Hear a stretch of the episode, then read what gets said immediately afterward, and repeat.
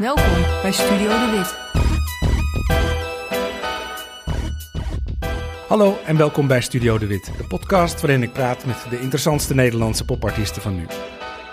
In deze tweede serie ga ik op bezoek bij muzikanten die hun oog scherp gericht hebben op het buitenland. Hoe vinden ze hun weg? Waarom is het ze gelukt?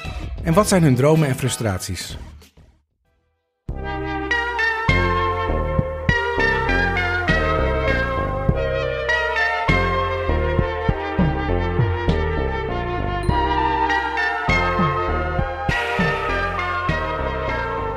Zanger, songwriter, producer en multi-instrumentalist Jacco Gardner is, al sinds zijn debuutalbum Cabinet of Curiosities uit 2013, een van de meest geprezen artiesten van Nederland.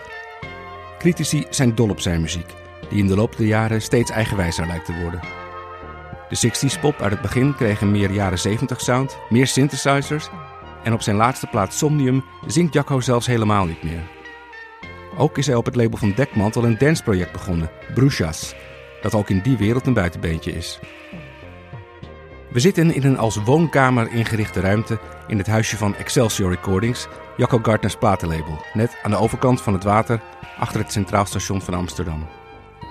Jacco is met de trein gekomen uit Zwaag en heeft net als ons het pontje genomen. Jacco Gardner is ooit in een ketel psychedelische 60s pop gevallen en heeft zijn muzikale en filosofische wereldbeeld de afgelopen jaren steeds verder uitgebouwd. Voor hem is muziek meer dan alleen muziek luisteren. Het moet een ervaring zijn. We praten over hoe we meer kunnen dromen, zijn ambivalente relatie met 60s tribute bands en hij vertelt ons waarom we zijn nieuwe album Somnium het beste al reizend kunnen luisteren.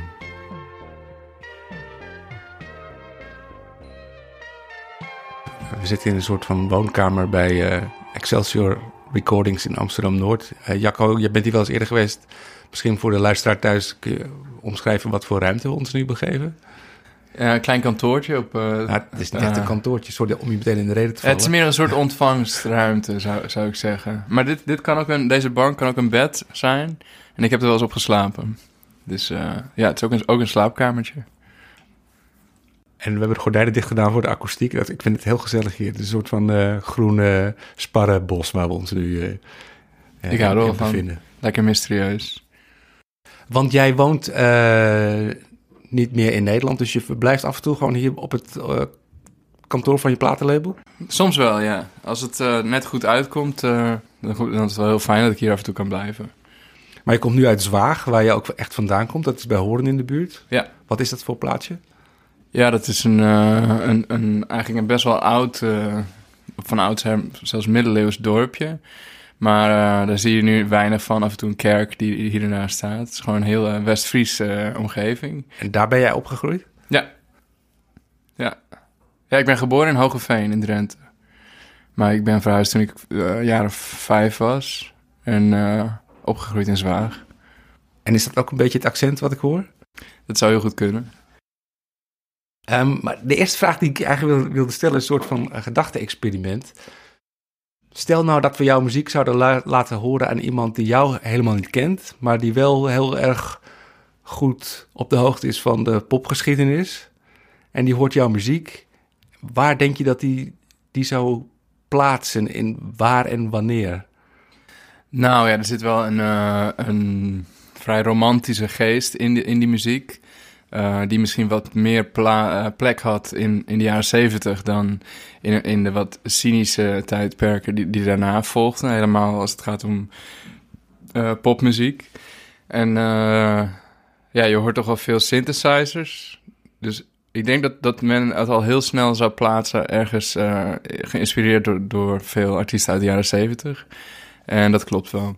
En die synthesizers, dat is eigenlijk alleen op je nieuwe album Somnium, hè? Nee, die, die waren er ook al wel op mijn vorige album. Maar nu meer dan ooit? Nu wel wat meer, ja. Ja, het, uh, veel nummers heb ik uh, ook gewoon eigenlijk gemaakt op één synthesizer... die heel veel limitaties heeft. Die kan maar één noot tegelijk spelen, bijvoorbeeld. Uh, en daar, daar heb ik hele arrangementen meegemaakt... waarin drums, bas, uh, verschillende... ja, echt arrangementgedachte instrumenten... zoals fluiten of meer klavecymbalachtige geluiden. Maar uiteindelijk wordt het allemaal een stuk abstracter, omdat je met zo'n synthesizer nooit echt uh, um, eh, exacte eh, akoestische geluiden na kan maken. Maar zou iemand, eh, misschien even los van de opnamekwaliteit, deze plaat kunnen verwarren met iets wat echt uit de jaren 70 komt? Of wat? Dat Maar- zou kunnen, ja. Dat zou echt kunnen. Dat zou kunnen, ja, zeker. Ja, ja het, is ook gewoon dat er eh, veel elementen in zitten die nu gewoon niet, niet zo eh, gangbaar meer zijn. Maar het zijn niet per se elementen die ik heel erg koppel aan de jaren zeventig. Het is wel zo dat in, in ja, volwassen muzikanten, zeg maar, die, die eh, popmuziek maakten of als independent muzikanten werkten. De, er was wel wat meer plek voor ehm, de vrije loop van de fantasie in de jaren 60 en de jaren 70, waar ook bijna een soort van kinderlijke eh, benadering eh, ervan was, alsof, alsof een kind eh, speelt in, in een kamer, zeg maar, maar dan met, met synthesizers en, en, en muziekinstrumenten. Ehm, dus dat, ja, dat heeft wel veel te maken met dat tijdperk, maar het voelt voor mij wel echt als iets wat meer te maken heeft met de mensheid dan, dan met dat tijdperk. Hmm. Dus als mensen zeggen, oh, het is wel heel jaren zeventig wat jij doet, dan denk ik wel vaak van ja, nee, ja, ik snap wat je bedoelt, maar dat is niet per se eh, waar, waar het bij mij om gaat. Het gaat jou meer om het gevoel. Nou, het gaat mij meer om, om een bepaalde, eh, ja, een gevoel van avontuur en een gevoel van ontdekking. En dat is ook wel iets wat je bijvoorbeeld in, ja, de- deze, mijn nieuwe plaat heet dan Somnium. En dat was ook een boek van Johannes Kepler uit 1608.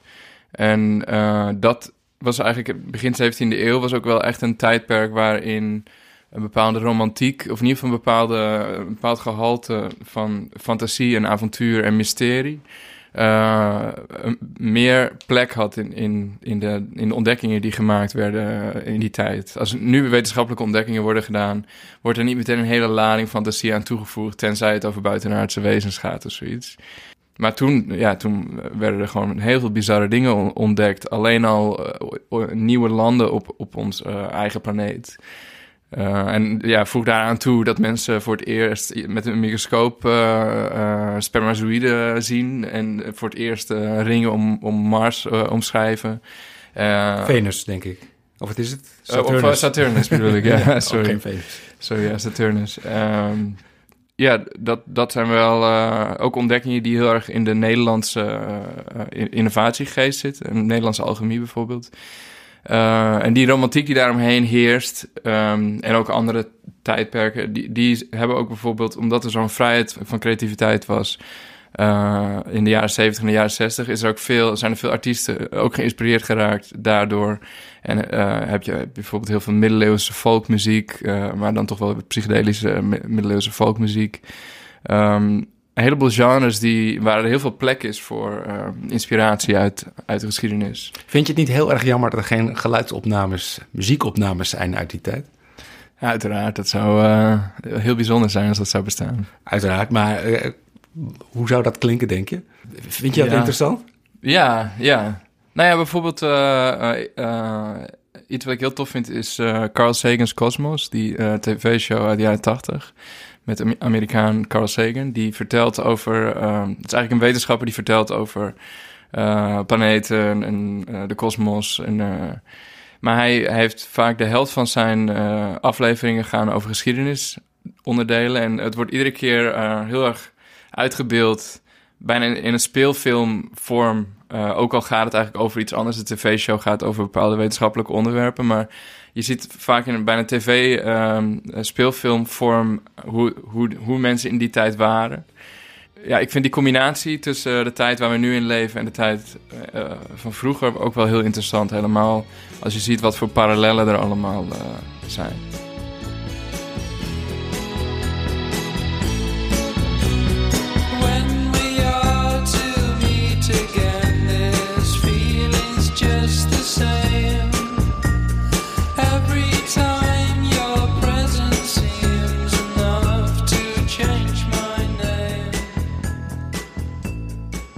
Hoe heb jij überhaupt trouwens die muziek van vroeger ontdekt? Want ik neem aan dat je bent opgegroeid in de jaren 90. Eh, ja, Tijdperk van grunge en eurodance en gangsterrap en drum en bass. Ja, Eh, ja ik, denk, ik denk dat het te maken had met eh, ook wel. Het begon een beetje met, met eh, de vader van een, van een vriend van mij, eh, een goede vriend van mij, eh, die had een enorme platencollectie met veel Pink Floyd en Sid Barrett, Soft Machine. Ehm, ja, veel toch wel nu ook wel als underground omschreven muziek uit die, uit die tijd. En ja, ik denk dat het niet eens per se ging om die tijd, maar dat het ook heel erg ging om het ontdekken van muziek die iets heel eh, oprechts en iets heel eh, duisters of undergrounds kan hebben. eh, die je gewoon niet op de radio hoort. Ja, als je in Zwaag opgroeit, dan krijg je inderdaad een heleboel invloeden om je heen van vanuit de radio. En dat waren niet per se dingen waar ik me direct heel erg mee verbonden voelde. En ik denk dat, het, dat die muziek uit de jaren 60 ook wel symbolisch stond voor gewoon het ontdekken van muziek. Dat- je, dat je verder kan kijken dan, dan wat er om je heen is. En het maakt gewoon heel erg nieuwsgierig als je iets ontdekt wat je, wat je echt zelf hebt on- ontdekt. Eh, waarvan je weet dat het, dat het niet heel populair is. Dat voor de rest eh, op school bijvoorbeeld niemand het kende. Eh, ja, dan ga je, je, ontwikkelt meteen een soort nieuwsgierigheid die, die je verder drijft naar andere, ja, om, om het echt helemaal te ontdekken. Die, vooral het tijdperk ze- jaren 60, jaren 70 dan wel voor mij. Maar eh, ook wel andere, andere tijdperken. Voelde je een buitenbeentje op de middelbare school? Ja, ja, ja, niet per se in de negatieve zin. In de positieve zin wel een beetje, ja. Ja, ik was wel vaak een beetje eh, met bepaalde... Ik, ik was niet eh, mainstream in, in die zin, zeg maar, op school. Ik was altijd wel een beetje een alternatiever eh, jongetje. Ja, maar niet iemand die dweepte met Pearl Jam. Nee, Liever Sid Barrett. ja. Maar goed, die, die 60s muziek, dat kun je niet live meer gaan zien dan. Is dat waarom je er zelf muziek bent gaan maken? Of is dat kort door de bocht? Dat is heel kort door de bocht, ja. Oké, misschien kun je het beter zelf vertellen dan. Ehm, ja, ik, ik denk dat het... ik- als kind ben ik altijd een dromer geweest. En ik werd altijd al omschreven als... eh, als eh, iemand die... In groep drie al, volgens mij, werd ik omschreven als iemand die nog niet geland was. Eh, op aarde. En eh, ja, die muziek uit de jaren 60 en de jaren 70, daar is gewoon... ehm, eh, het resoneert gewoon heel erg met, met het, het, dromerige aspect... wat voor mijn gevoel, en misschien is dat puur mijn eigen beleving... maar in ieder geval voor mijn gevoel wel echt onderdeel is van de realiteit. En ook het mysterie, wat denk ik onderdeel en het onbekende. Wat concepten zijn die, waar iedereen eigenlijk mee te maken heeft. Maar eh, als je er echt eh, over na gaat denken in, filosofische zin. Kun je daar veel meer plek voor geven dan, dan mensen zich daar misschien eh, in hun dagelijkse Instagram en WhatsApp gedrag daar, daar plek voor geven. Dus ehm, ja, ik weet niet. Ik denk dat het ontsnappen uit deze tijd op, op een manier die voor mij veel natuurlijker voelde dan de realiteit waar ik in was, wel een reden is geweest dat ik eh, die kant op ben gegaan. Ja. Lijkt dat tot een soort van... eh, beetje loskoppeling van de waan van het dag en het hier en nu... en, dus, en, en de wereld waarin je daadwerkelijk leeft? Nou ja, dat doet iedereen s'nachts bijvoorbeeld. Alleen de meeste mensen als ze wakker worden denken ze van... oh, ik, oh, ik, moet, ik moet weer ik moet naar mijn werk, eh, ik Ja. ben te laat. eh, Wereldnieuws, wat Ja. op je afkomt meteen. En je bent het gewoon allemaal weer kwijt. Terwijl eigenlijk er, tijdens dat je droomt een, een soort spiegel gaande is van, van je dagelijkse leven. Waar eh, best wel veel symboliek in te vinden is. En best wel veel wijsheden in te vinden zijn als daar eens goed over nagedacht zou worden. Maar dat is niet per se een, een ritueel die, mens, die men over het algemeen dagelijks heeft. Eh, zodra er iets wat niet eh, één op één klopt met de dagelijkse realiteit gepresenteerd wordt onder misschien collega's op het, op het kantoor of weet je wel. Ik, ik spreek nu een beetje over de, de, de algemene mens in die zin die, die in, in dat patroon past van... van eh, eh, De hardwerkende Nederlander. ja, nou, niet alleen de Nederlanders, maar ja, ja zeker. Eh, ja, dat zijn niet per se mensen die, die op die manier plek geven aan mysterie. Terwijl ze wel, ehm, eh, ja, acht uur, mag ik hopen, per dag eh, in een bizarre wereld doorbrengen. Hoor ik jou zeggen dat mensen erbij gebaat zouden zijn... misschien om wat meer van dat mysterie en die dromerigheid in, het, in hun leven toe te laten?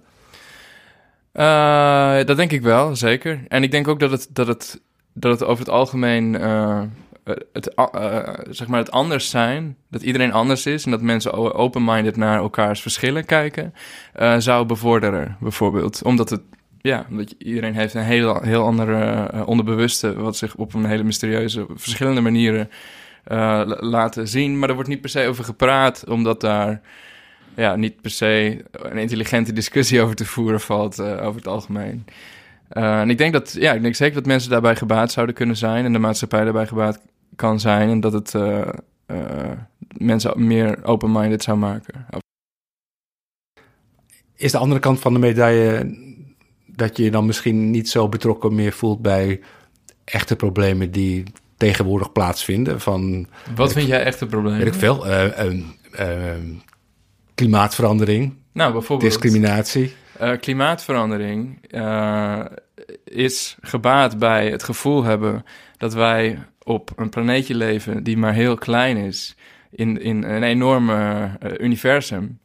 Eh, en om dat besef te hebben van, voor schaal en voor, voor eh, hoe, hoe ontzettend zeldzaam het is dat deze planeet zo is. En dat je daar beter mee om zou gaan, wat, waar klimaatverandering bij gebaat is. Daar zul je toch echt eerst even je fantasie voor moeten gebruiken. En dat, alleen al zo denken past niet in het dagelijks leven. Om maar een voorbeeld te geven van hoe je met een verschillende manier van een andere manier van denken eh, ook heel veel van dit soort echte problemen oplost, eigenlijk. Oké, want ik was even bang dat je misschien een soort van levensstijl nu voorstond. Van ik heb helemaal niks meer te maken met, met de dagelijkse eh, beslommeringen. Ik leef in een soort van Nee, nee, zeker niet. parallele droomwereld. Ik denk dat het allemaal, ook die parallele droomwereld, allemaal aan elkaar verbonden is. Meer dan mensen zich beseffen. En dat het ook allemaal bij elkaar gebaat is om, om je daar enig eh, enigszins bewust van te zijn, zeg maar. Heb je misschien bepaalde technieken waarmee je dat dromerige gevoel wat beter vast kan houden? Ehm, eh, nou ja, het helpt bijvoorbeeld om je internet uit te zetten. dat is een, een van de technieken die, die zeker effectief is. Want eh, als je constant het gevoel hebt dat je, dat je iets mist, ben je niet zozeer in het moment aan het genieten van al het wonderlijke om je heen. Nee, maar ik maar ben, ik ben aan het genieten van het wonderlijke wat online gebeurt. Ja. In het moment. Maar dat was 200 jaar geleden niet zo. Dat was 100 jaar geleden zelfs nog niet zo. Dat was 50 jaar geleden nog niet zo. En nu is de helft van de realiteit van mensen is online. Als je dat, ik vind dat chockerender dan bezig zijn met jouw eh, eh, vreemde realiteit in je dromen bijvoorbeeld. Het is een stuk onnatuurlijker om de helft van je bewustzijn op het internet te hebben. Goed, daar gaan we nog even over nadenken. terwijl we deze podcast aan het streamen zijn. I tried to close my eyes until the answer came. I want to float away, but all these clouds just look the same.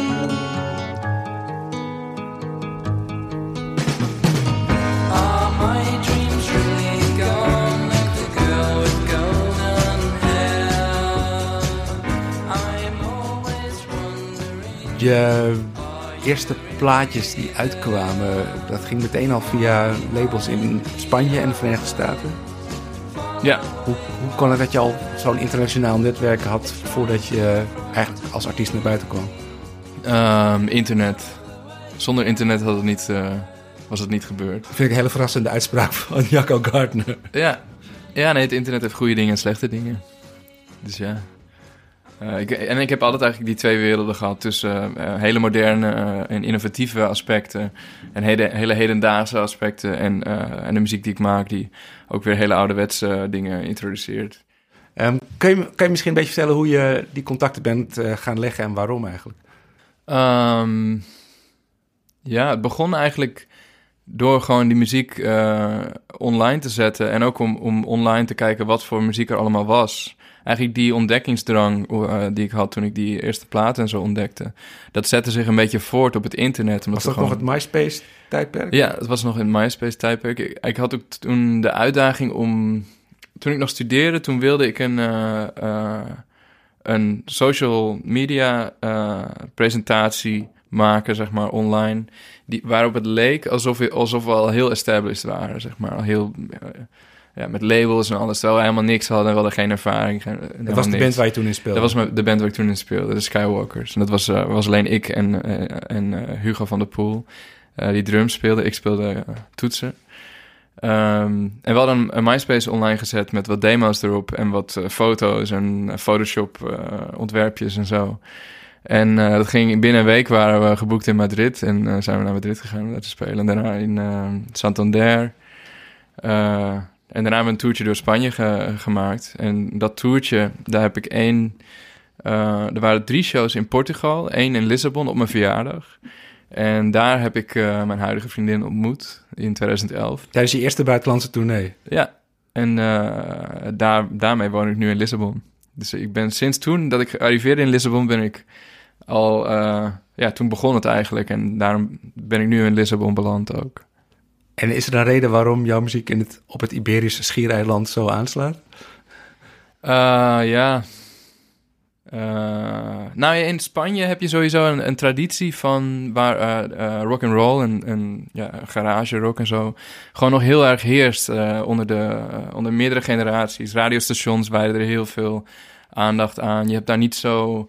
Je hebt gewoon heel veel radiostations die nog heel veel rockmuziek eh, draaien. En dat, het rauwe van, van rockmuziek en die, die energie en die attitude zit gewoon heel erg in de, in de cultuur. Dus je hebt echt een beetje een rock and roll cultuur in, in Spanje. Meer dan hier. hier. Hier is het mainstream, is het niet allemaal zo rock and roll. Eh, en ik denk dat daarom, omdat ik echt een garagebandje had, eh, dat het gewoon best wel, snel ging. Omdat ze ook daardoor heel erg eh, een focus hebben op, op muziek uit de jaren 60. Omdat rock and roll een enorme evolutie doorging in, in dat tijdperk. En daar is nog steeds heel veel passie voor en heel veel liefde voor. Je had in Nederland bijvoorbeeld ook in de jaren 80 had je wel veel mods en zo en veel jaren 60 eh, revivalists.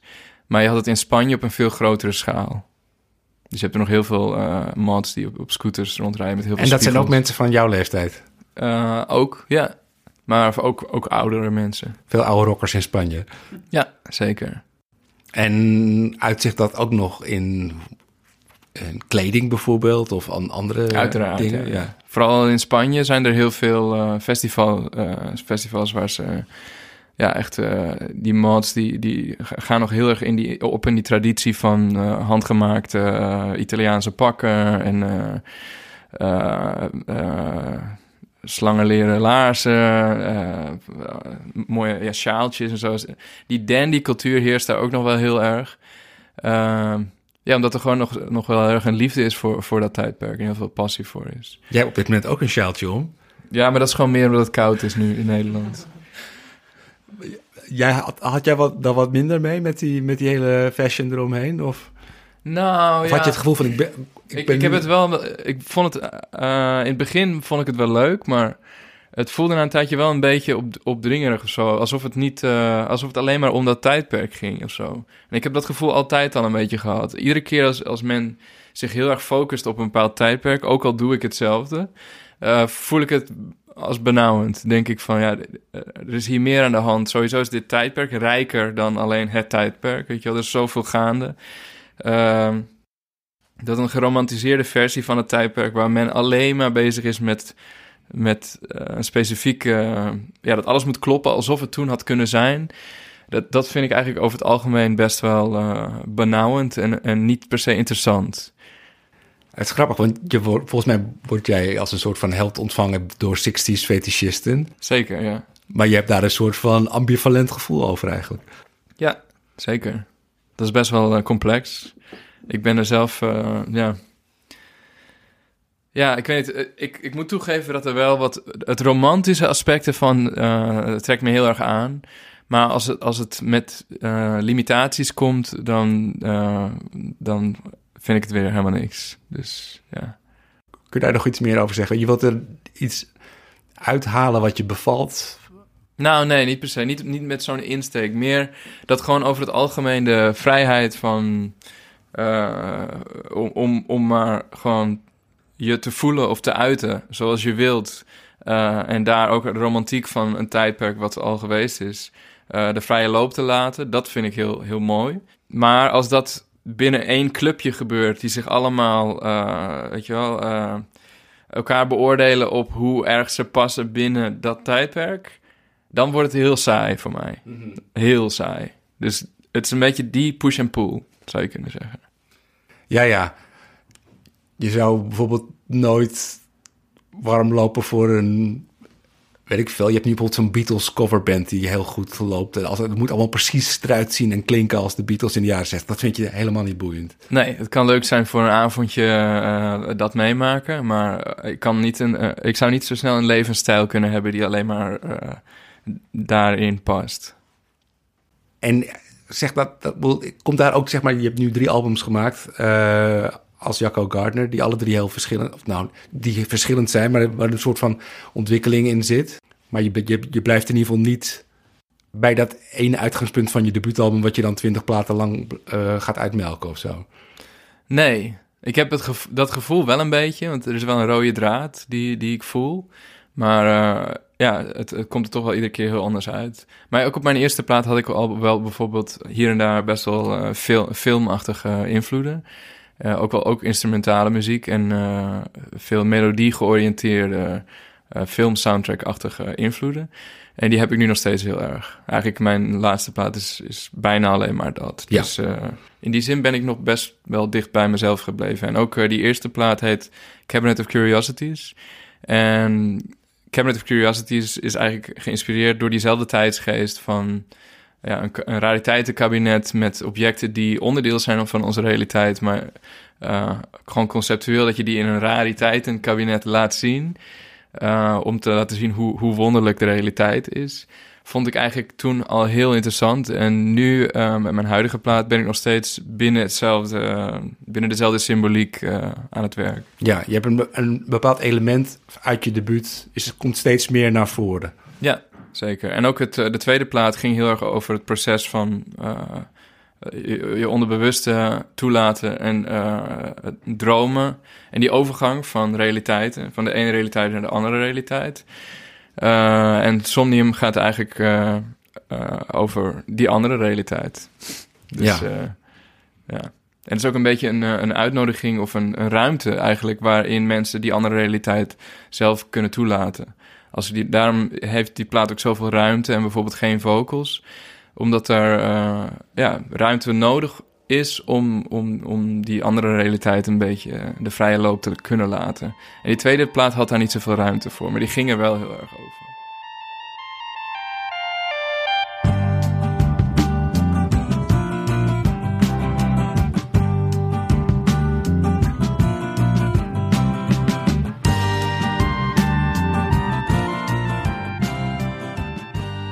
Heel veel eh, Nederlandse bands en artiesten doen heel erg hun best om voet aan de grond te krijgen over de grens. Ja, Het klinkt alsof het jou allemaal heel gemakkelijk afging. Is dat zo? Ehm, ja, ik denk het wel, ja. Ja, eigenlijk vanaf dat eerste project ging het bij, eh, bijna vanzelf. Maar dat komt ook wel omdat ik eh, eh, me daar een beetje op richtte. Niet per se dat ik daar hard aan... eh, dat ik dingen naar mensen toestuurde of zoiets, maar... Ik had altijd wel een wat internationalere inslag. Ook dat misschien de lyrics Engels zijn, dat alle eh, referenties veelal Amerikaans of Engels waren. Invloeden die ik had. Ehm, ja, en je merkt gewoon dat er bepaalde onderdelen van het verleden eh, nog meer leven in, in andere landen dan in Nederland. Ook in Frankrijk eh, ging het heel hard, bijvoorbeeld. En daar leeft nog heel erg die, ehm, die klassieke inslag van popmuziek. Echt gearrangeerde popmuziek of eh, figuren als eh, Serge Gainsbourg. Die, ja, die, die, die zitten daar nog heel erg ehm, eh, duidelijk in de cultuur. Dus heel, ja, in de muziek, daar wordt op een hele bijna eh, chanson-achtige manier nog steeds met, met popmuziek omgegaan. En geluisterd naar de poëtische kant van de, van de lyrics, eh, het het filosofische ervan. Eh, romantiek heeft heel veel plaats in popmuziek, in mainstream popmuziek daar. Dus op die manier ging het daar ook eh, eigenlijk vrij hard, zonder dat ik het heel erg eh, probeerde. Maar dat komt ook omdat Nederland gewoon een heel andere cultuur is, waar, waar minder plek is voor dat soort. eh er wordt gewoon minder op gericht in Nederland. Zien ze jou niettemin wel als een Nederlandse artiest daar? En hoe? Ja, soms wel en soms niet. Ik heb, het is best wel, dat is een goede vraag, want soms heb ik het gevoel dat ze helemaal niet per se zo gericht zijn op, de, op het feit dat ik Nederlands ben, maar gewoon over mijn muziek hebben. En ik vind dat eigenlijk wel een heel fijn gevoel. Ik had eigenlijk niet, niet verwacht dat dat zo, eh, dat het zo zou zijn. Dat ik, omdat mensen over het algemeen wel heel erg gericht zijn op welk land ze vandaan komen en wat voor cultuur ze allemaal meenemen uit dat land. Terwijl we allemaal, van, eh, ja, allemaal mensen zijn die allemaal menselijke dingen meenemen van het ene land naar het ander. Ehm, maar er wordt best wel binair over eh, gedacht vaak. En dat was eigenlijk niet per se zo het geval bij mij. En dat heeft me denk ik ook wel geholpen om, om meer in andere landen te kunnen spelen en succes te hebben daar. Het was gewoon qua eh, culturele inslag in mijn muziek wat ongedefinieerder. Als in dat het niet per se vanuit één land kwam. Maar het kwam ook wel omdat mijn invloeden uit, uit verschillende andere landen kwamen eigenlijk. En dat kwam gewoon een beetje samen. Is Gardner je echte achternaam? Ja. Ja. Het is niet dat je eigenlijk tuinier heet of zo. Nee, nee. mijn vader is eh, geboren in Australië en zijn vader is geboren eh, in Engeland. Dus eh, oorspronkelijk komt de naam uit Engeland. Oké. Hoe spreken mensen jouw naam uit eigenlijk over de grens? Jacko of... Dat verschilt per land. In Frankrijk zeiden ze vaak Jacou. Vind ik heel mooi. Eh, ook mooi, ja. Ehm, in Amerika was het ook wel vaak eh Jacko, maar ook wel Jaco met een A, heel eh, duidelijk. Ehm, ja, in Portugal is het Jaco. ah, vind ik, dat vind ik echt mooi. Ja, ja, ja het, het, het zijn allemaal kleine verschillen, Klinkt, maar klinkt als een voetballer ook al meteen. ja, ja, ja, Achternaam gewoon weglaten op een gegeven moment. ja, precies. Sitting by the old road again. Waiting for a letter for a friend. Thinking about the old days again. Je zingt niet meer op de nieuwe plaat. River. Heeft dat ermee te maken dat je in de tussentijd ook nog eh, dat dance of elektronisch project bent begonnen? Eh, het, zal wel, het, het ligt wel allemaal in, in elkaars verlengde. Het is wel allemaal onderdeel van dezelfde ontwikkeling, ja. Eh, ik hou wel heel erg van instrumentale muziek, ook al ver voordat... eh, eigenlijk tijdens mijn eerste plaat luisterde ik al heel veel naar instrumentale platen... zoals Bo Hanson's eh, Music Inspired by Lord of the Rings... of In de Band van de Ring, zo is die verschenen in Nederland. Het is een hele mooie plaat, die nog steeds in kringloopwinkels kom je die vaak tegen... maar het is echt een meesterwerk. Eh, en ook wel, ja, veel onderdelen van Pink Floyd, uh, begintijd Pink Floyd, zijn ook instrumentaal en geïmproviseerd. Eh, het is ook een beetje die jazz-inslag van de jaren 60, waar er gewoon veel ruimte was voor instrumentale muziek en voor improvisatie. En, en klassieke muziek, want heel veel eh, muzikanten in die tijd waren ofwel jazz geschoold ofwel klassiek geschoold. En dat merk je wel heel erg in, in de focus op melodie en in het instrumentale aspect. En dat heb ik eigenlijk altijd een beetje wel bij me gehad. En uh, met het gebruik van synthesizers ehm, ja, komt er toch wel weer een nieuwe uh, benadering bij, bij kijken. Waar, waar je in één keer nog veel meer vrijheid hebt om, om bepaalde sferen te creëren. En eigenlijk als je instrumentale muziek maakt, heb je sowieso wat meer de focus op sferen creëren bijvoorbeeld. Dan, dan, dat, je dat, uh, dan dat je popmuziek maakt waar je in zingt. Ja, nou er zijn natuurlijk inmiddels generaties opgegroeid met techno elektronische instrumentale muziek. Ja, ja. En het kan ook best wel sfeervol zijn. Techno uh, kan wel een vrij duistere sfeer hebben. Toen een paar platen nu uitgebracht op dekmantel. Ja. Wat ik eigenlijk... Ik stond een beetje met mijn ogen te klapperen toen ik zag... Hey, Jacco Gardner op dekmantel. Ja, ik kan me voorstellen. Dat is een vrij uh, bizar... Uh... Tot nu toe klinkt het ook niet alsof jij iets had met clubmuziek of house of... Nou, uh, ik kwam erachter dat ik er meer mee heb dan, dan ik dacht. Uh, Heb je dat door osmosis toch gewoon uh, meegekregen? Nou ja, het ontdekken en het gevoel van ontdekken, gezamenlijk ontdekken uh, en iets ondergaan, een, een, ervaring ondergaan en samen die ontdekkingstocht opgaan. Het avontuurlijke is iets wat je vaker in de clubscene vindt dan, dan in popconcerten. Popconcerten gaan, gaan mensen dan, weet je wel, vrienden die elkaar met elkaar een biertje drinken naar een concert gaan kijken en het dan even over, over de week hebben of weet ik veel. In het clubcircuit heb je toch iets meer dat mensen niet per se gezellig met elkaar gaan kletsen. Maar dat ze echt gewoon samen iets ondergaan. En op avontuur gaan met z'n allen tegelijk. Ook mensen die elkaar niet kennen. Uh, en dat aspect van, van clubcircuit vind ik wel, en van dancemuziek vind ik wel eigenlijk, eigenlijk heel interessant. En ook uh, uh, de oorsprong van elektronische muziek komt heel erg voornamelijk uit Duitsland bijvoorbeeld. En die Duitse pioniers die, die, die elektronische muziek pionierden, die, ja, dat waren eigenlijk allemaal hele, hele ehm, psychedelische figuren. Die, die gewoon heel graag eh, thuis met, met een heleboel synthesizers eh, of in een kerk of op vreemde locaties. Eh, hele trippy soundscapes begonnen te maken. Wat eigenlijk een verlengde is van, van alles wat psychedelisch was in de jaren 60 bijvoorbeeld. En die jaren 60 hippiecultuur is enorm van invloed geweest op Acid House. 20 jaar later. Ja, Ja. Bijvoorbeeld. En ja, een heleboel eh, elektronische genres zijn, zijn beïnvloed door een, een, een, een concept die in de jaren 60 en de jaren 70 eigenlijk eh, ja, een piek heeft eh, gekregen. En daarna gewoon doorontwikkeld zijn. Ja. ehm, nou, het leek me sowieso interessant om op een, een, op een eh, compactere manier en op eh, andere locaties dan ik gewend was, eh, voor een dansend publiek dingen te creëren. Want een dansend publiek is ook wel een, publiek die door het dansen heel open-minded is. En je kunt ze meenemen naar wat voor sfeer dan ook, wat voor omgeving dan ook. En ik vond die vrijheid wel heel aantrekkelijk om, om, om dan... In Bruges ben ik ook de persoon die, die de synthesizers bedient en niet per se de drums. Eh, en ik vind het heel fijn om, om degene te mogen zijn die, die gewoon tapijten van, van eh, eh, trippy synthesizer klanken mag creëren, terwijl mensen staan te dansen. En je bent niet meer gebonden aan een songstructuur. Nee. Die nummers kunnen zo, zo lang zijn als ik wil. En het maakt niet uit als ik er niet in zing of zo. Dat, dat, dat boeit helemaal niet. Het is gewoon puur... Liever niet zelfs. nee, ja, waarschijnlijk liever niet. Het zou alleen maar afleiden van de ervaring. Waarschijnlijk. Dus ja. Wat betekent het eigenlijk, Bruges? Eh, dat is Portugees voor heksen. Want ik speel ook in een band die heet The Witch. En de drummer in die band, The Witch, die speelt ook met mij in Bruges. Wij zijn eigenlijk een duo van oorsprong. Oké, het is eigenlijk een offshoot meer van die band dan. Ja, van, van The Witch. En The Witch is een band die, eh, die vooral groot was in de jaren zeventig. Waar ik dus niet een oorspronkelijk lid van ben. Maar, Maar het is echt een eh, hele oude bestaande groep waar je in speelt. Ja, Ah, ja. Het, is, het waren zeg maar de Beatles van Zambia. van Zambia. Ja. Dus eh, ja, een mix van Black Sabbath en, en James Brown. Oké, we komen nu echt even een- weer een heel ander Ja. parallel universum terecht. Zambia. Ja, En dan Black Sabbath. ja. En James Brown. En James Brown. En Jacco Gardner. Ja. All the witches. All the new witch.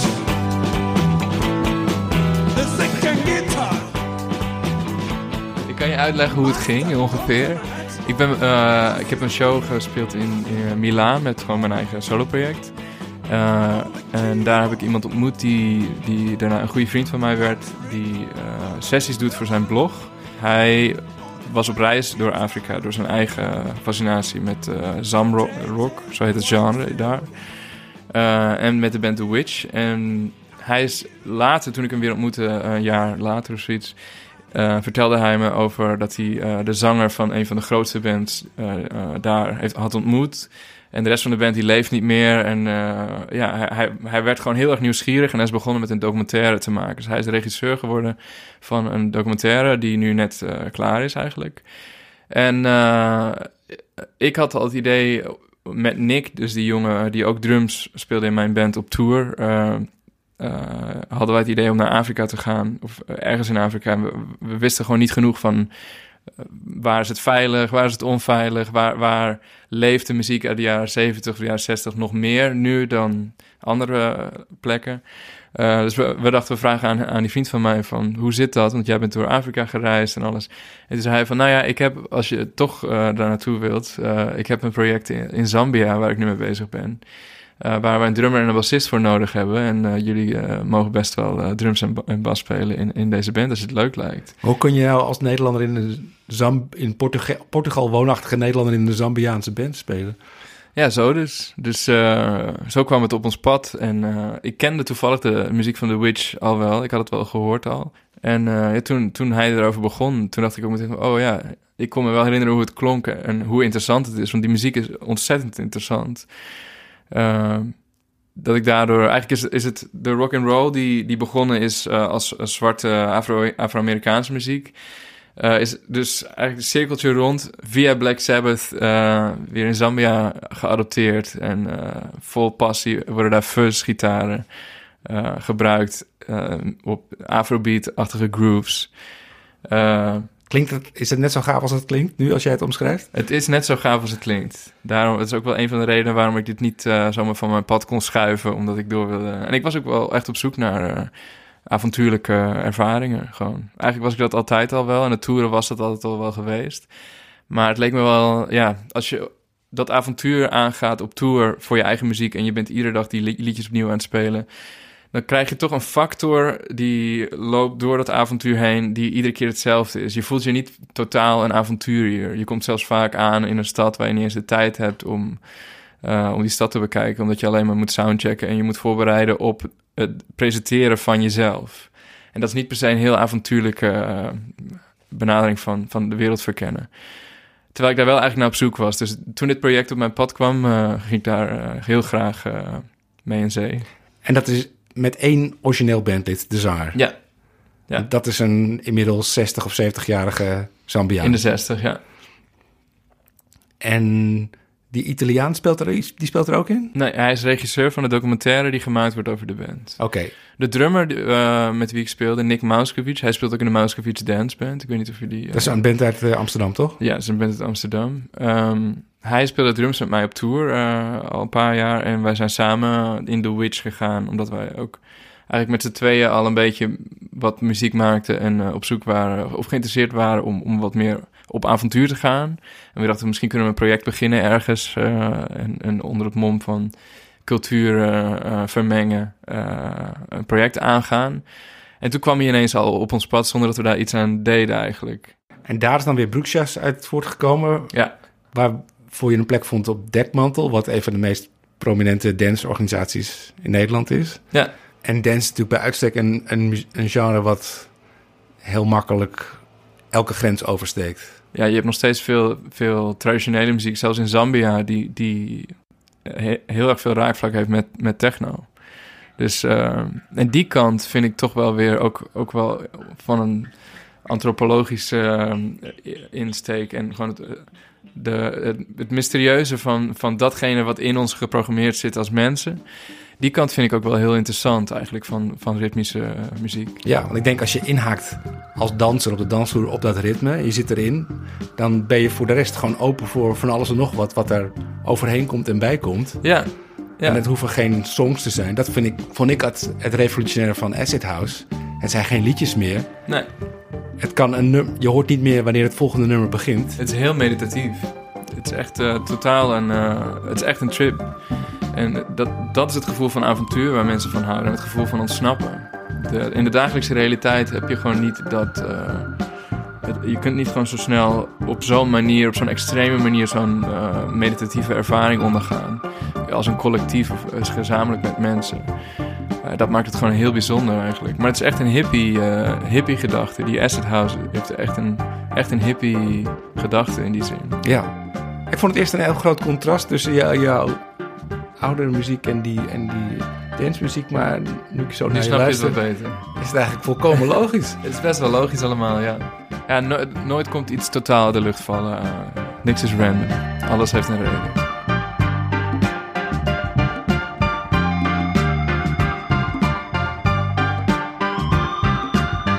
Begin ineens eh, te fantaseren over een geremixed eh, Somnium. Ja, dat kan. Daar gewoon allemaal danceversies van maken. Dat kan, maar misschien is het helemaal niet nodig. Er zit al zo'n eh, dance-inslag in, zonder dat die dancebeat er per se op te vinden is. Maar het is geen plaat gemaakt om in de club te draaien. Het is, gewoon- het is gewoon meer dat er af en toe zoiets op te vinden is. Sterker nog, ik ben naar je show geweest en dat was, waren alleen maar zitplaatsen. Ja. In het planetarium in Artis. Ja, ja, klopt.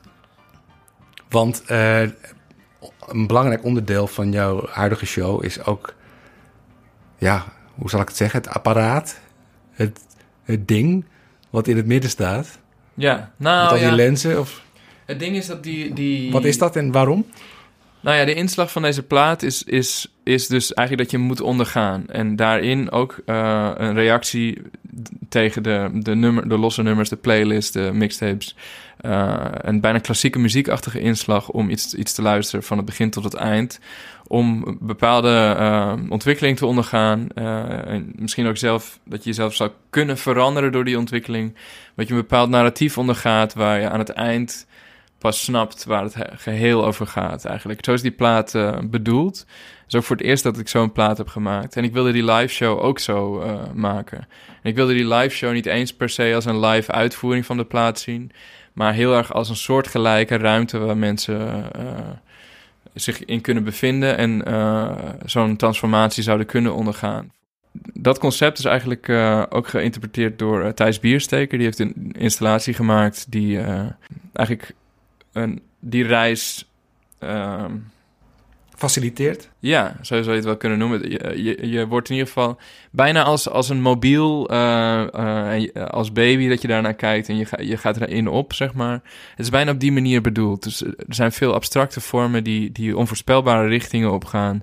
Je weet niet, wa, wa- eh, je kan eigenlijk niks voorspellen en er gebeurt, het gebeurt om je heen. Dus je, je hebt niet, het is niet gemaakt voor jou om naar een scherm te kijken waarin je bijvoorbeeld bij een 3D-film of zo, dat je echt, zelfs als je ergens anders naar kijkt op dat scherm, word je al misselijk. Dus je wordt echt geforceerd om te kijken waar, waar men wil dat je kijkt. Dit is het tegenovergestelde. Dus het, ik wilde ook dat het eh, geluid om mensen heen gebeurt, maar ook beeld om mensen heen gebeurt. Eh, zodat je die ontdekkingsreis echt op kan gaan. Ja. De Je show moet het gevoel hebben dat je al sowieso de helft mist. Eh, Nou, dat, letterlijk was dat het geval, want ik ging zitten en ik wist natuurlijk niet wat ik kon verwachten. En ik bleek op een plek te zitten precies waar ik jou niet kon zien. Oh ja. ja, nou dan miste je in ieder geval de helft inderdaad. Dus je, je was met nog iemand, eh, zij speelde toets of drukte op knopjes. En jij, ik geloof dat jij gitaar speelde, maar ik kon het dus echt niet zien. Maar daardoor kon ik me wel eh, gewoon op de ervaring richten. Dus eigenlijk was het misschien wel beter. ja, Ik werd niet afgeleid door naar de muzikant te kijken. voelde het voor jou als een concert? Of voelde je het Nee. voor meer dan, iets meer dan een concert? Ja, nou, iets anders. Ja. Maar je voelde wel dat het live muziek was. Nou, dat element miste ik eerlijk gezegd wel een beetje. Oké, ja. Nou ja, alle Maar dat- synthesizers waren, waren live. We hebben Oké, live uit. dan- had, maar dat, ja, misschien is het dan toch fijn om het te kunnen zien wat er gebeurt. Ja. Aan de andere kant, ja, het gaat natuurlijk om de ervaring. Het gaat er eigenlijk niet eens om of het live is of niet, eh, in die zin. Je moet het ondergaan en eh, als het immersief genoeg is en visueel genoeg is, bijna als een Ef- Efteling-attractie, zeg maar. De droomvlucht met Jacco Gardner. Ja, nou, ik zou heel graag de muziek een keer doen voor de, eh, voor de Efteling of zoiets. Dat lijkt me echt te gek. Maar eh, Als iemand van de Efteling luistert, ja, heel mail- graag. mail ons even. Breng je in contact met Jacco. ja, alsjeblieft.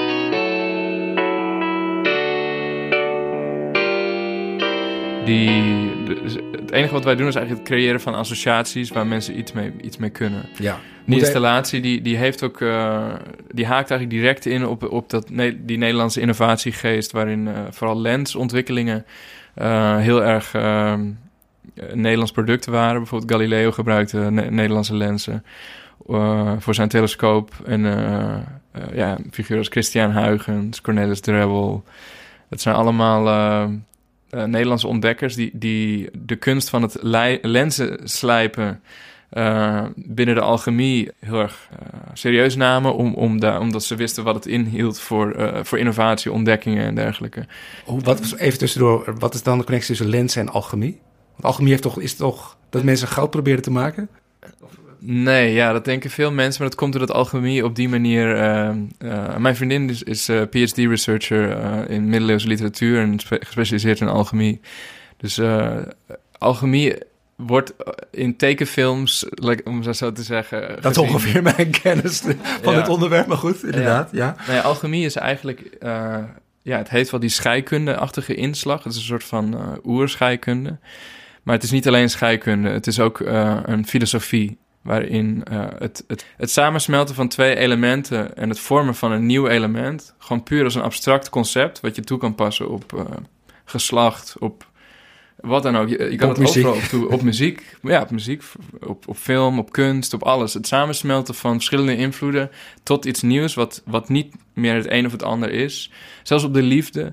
Je kan het overal op, eh, op toepassen. En dat, dat concept is, een heel, is een, eigenlijk een, eh, een cornerstone van, van alchemie. Dus alchemie eh, gaat over eh, van alles, maar het is, het is Creativiteit eigenlijk. creativiteit, ja. En het is veelal een hermetische eh, eh, wetenschap. Wat inhoudt dat het, in, eh, dat het veelal in het geheim eh, beoefend werd. Wat omdat het eh, tegen de kerkleer inging? Of Onder andere, ja, onder andere. Zeker.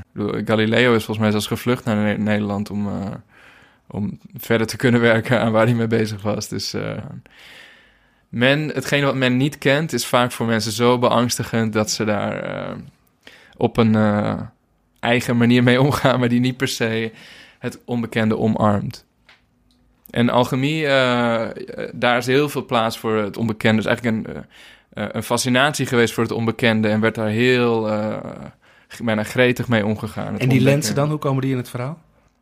Ja, het, het, het slijpen van die lenzen werd dus en het ontdekken van wat die lenzen deden, was eigenlijk altijd wel een heel spirituele, een hele, hele spirituele ontwikkeling. Want Ze maken een wereld zichtbaar die onzichtbaar was. ja, en of het nou heel ver weg was of heel En dichtbij. een figuur als. Kepler bijvoorbeeld was best wel religieus. Eh, en hij, hij had echt het gevoel dat hij een, een van de mensen was die, die, die bestemd was... of die, die wel het gevoel had dat zijn ontdekkingen bedoeld waren voor hem om te ontdekken. En die, want die heeft ook te maken met... eh, Ja, die heeft dus het boek eh, Somnium geschreven in 1608. En Somnium is interessant genoeg. Eh nou ja, Kepler was, was eigenlijk een wetenschapper slash alchemist. eh, die heel veel kennis had, zel- zelf ontdekte kennis had over het universum. Waar wij nu nog allemaal eh, heel blij mee zijn dat hij dat toen had. Maar hij was toen de enige die dat had. De enige persoon die gewoon heel veel dingen ontdekte. Waaronder bijvoorbeeld de ellipsen van de planeten. Dat ze niet in een rondje om de zon gingen, maar in ellipsen. En nog een heleboel andere ontdekkingen. En hij heeft eigenlijk al die kennis hij heeft zijn fantasie gewoon daar altijd wel. Hij heeft er veel ruimte voor eh, gegeven om zijn fantasie daar de vrije loop in te kunnen laten. En hij heeft een boek geschreven in 1608, dat heet The Somnium. En dat is eigenlijk een droom eh, met een soort visioen over een ruimtereis naar een andere wereld. Dus door alle kennis die hij had over andere werelden, dacht, begon hij steeds meer te denken van... Ja, dit zijn andere werelden. Dus hoe, hoe zou het zijn om zo'n andere wereld te zijn en misschien naar de aarde te kijken, weet je wel? Gewoon puur zo'n gedachte-experiment, wat dus eigenlijk best wel baanbrekend is om ook op die manier op reis te gaan. Je gaat eigenlijk op reis naar een andere planeet en je, do- puur door dat gedachte-experiment en die reis te maken, kom je eh, tot heel veel ontdekkingen die, de, die echte ontdekkingen zijn. Wat dus eigenlijk best wel interessant is, want je gaat er niet echt naartoe, maar je doet wel die ontdekkingen. en het opent het idee dat je echt naar de maan zou kunnen gaan. Precies. Maar je doet ook gewoon echt. Je opent deuren in jouw, in jouw eh, benadering. Die anders niet geopend zouden kunnen zijn. Waarin je denkt: oh, misschien werkt zwaartekracht wel zo. Dat soort gedachten. Daarvoor moet je eerst echt op reis gaan. eh, naar een plek die, die puur science fiction is. Ja. En Kepler heeft dat dus ook gedaan in dat boek. En hij omschrijft eh, onder andere hoe de aarde eruit ziet vanaf die eh, andere wereld. Wat eigenlijk de maan is. een eiland in de ruimte. Maar ook de reis ernaartoe en de sensaties die hij ondervindt... die zijn eh, heel vergelijkbaar met de echte sensaties die men ondervindt... als je ruimte inreist. Terwijl nog, Daar kwamen ze later achter. Vlucht bestond nu, nog niet toen. Men kon nog niet vliegen. De vliegtuigen bestonden nog niet. En toch omschreef hij hoe het voelt om de ruimte in te reizen... met alle effecten van zwaartekracht van dien... Eh, wat 400 jaar later pas echt gedaan werd en ook echt zo ervaren werd. Dus eigenlijk was het een soort toekomstvisioen, zonder dat hij dat wist. En het maakt ook niet per se uit dat dat, dat het wel of niet zo was. Maar ehm, ja, het, laat, het is gewoon voor mij symbolisch gezien heel indrukwekkend hoe, hoe mooi het kan zijn om, om die fantasie de vrije loop te kunnen laten. En eh, ja, hoe, hoe indrukwekkend de, de menselijke creativiteit eigenlijk kan zijn ook wel. Heb je die film First Man toevallig gezien? Nog niet, maar die gaat ook ja, heel erg over eh Die gaat- datgene wat Kepler eigenlijk voorspelt. Ja, die geeft je echt heel erg het gevoel hoe, hoe het is om Neil, als Neil Armstrong 50 jaar geleden naar de maan te reizen. Echt een Ja, crazy idee, zonder de computers van vandaag. ik ben benieuwd. Ik wil hem nog wel zien eigenlijk. Stel dat er een plekje vrij was in zo'n raket, zou je dan mee zeggen ja natuurlijk, ik ga mee? Ehm, nou ja, dat hangt er wel even... Ik zou niet meteen zeggen ja. Ik zou wel even zeggen, wat zijn, wat zijn de risico's? Eh, hoeveel kost het? Eh, moet ik met de rest van mijn leven... weet je, ik wil wel even alles weten. Maar als het allemaal eh, heel, heel easy en heel simpel lijkt... ja, dan zou ik wel eventjes kijkje willen nemen.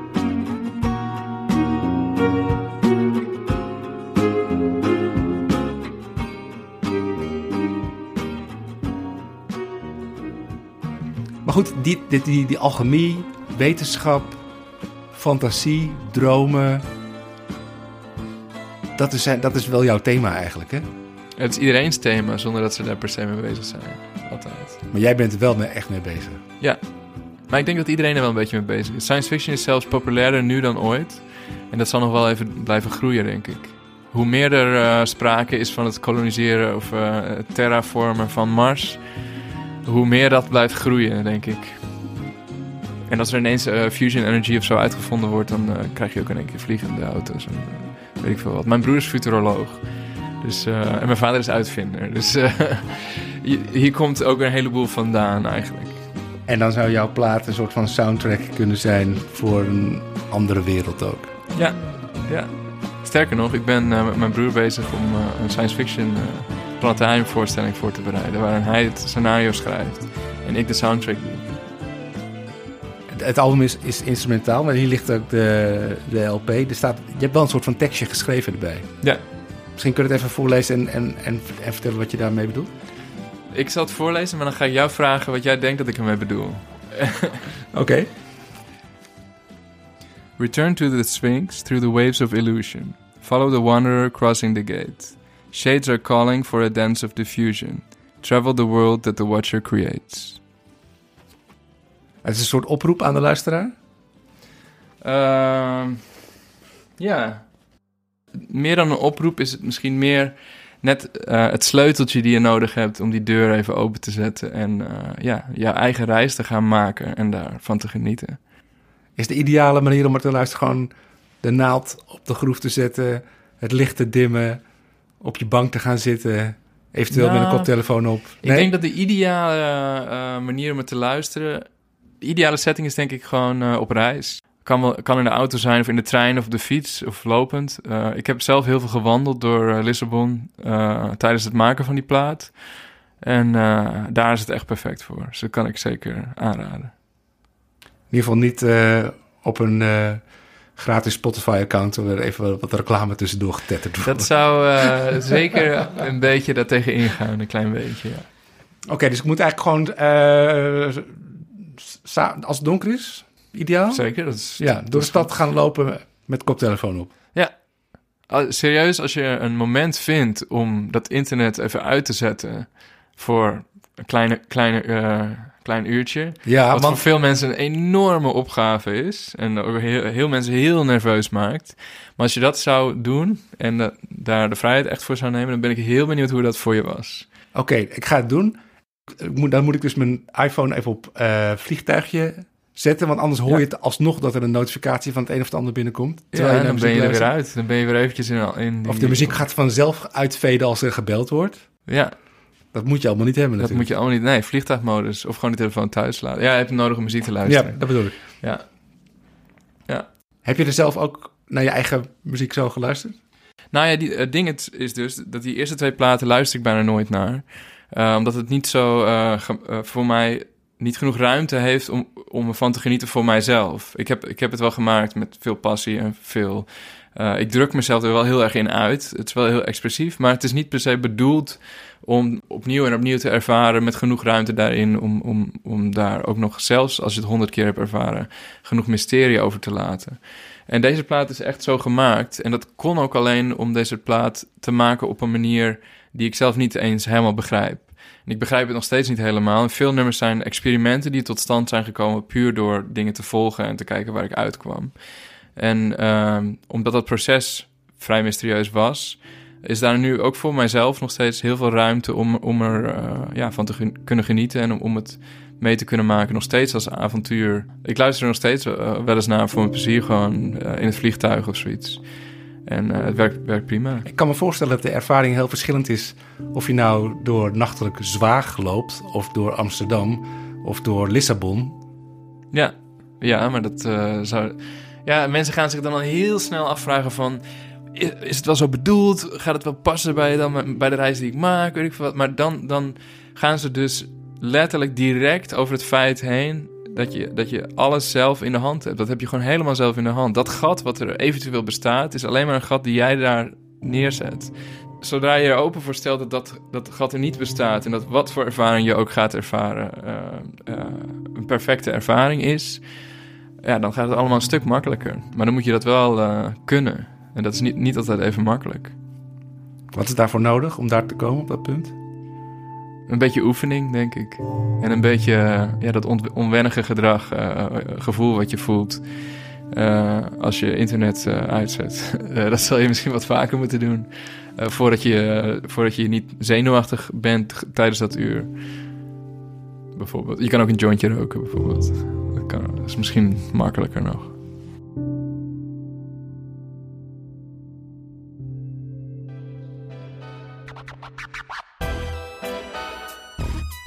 Dit was Studio de Wit.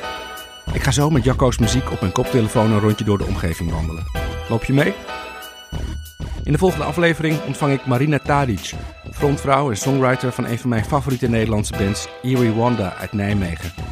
Met een platendeal in Amerika en meer airplay op KCRW in Los Angeles dan op 3FM. Luister naar Eerie Wanda's net nieuwe album Pet Town.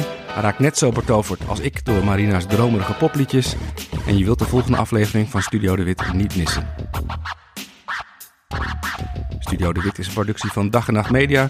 Met dank aan Lieke Malkorps voor regie en montage. De muziek uit alle afleveringen van Studio de Wit, van Jacco Gardner tot Sophie Winterson, vind je ook in onze Studio de Wit playlist op Spotify. Tot de volgende keer. Doei.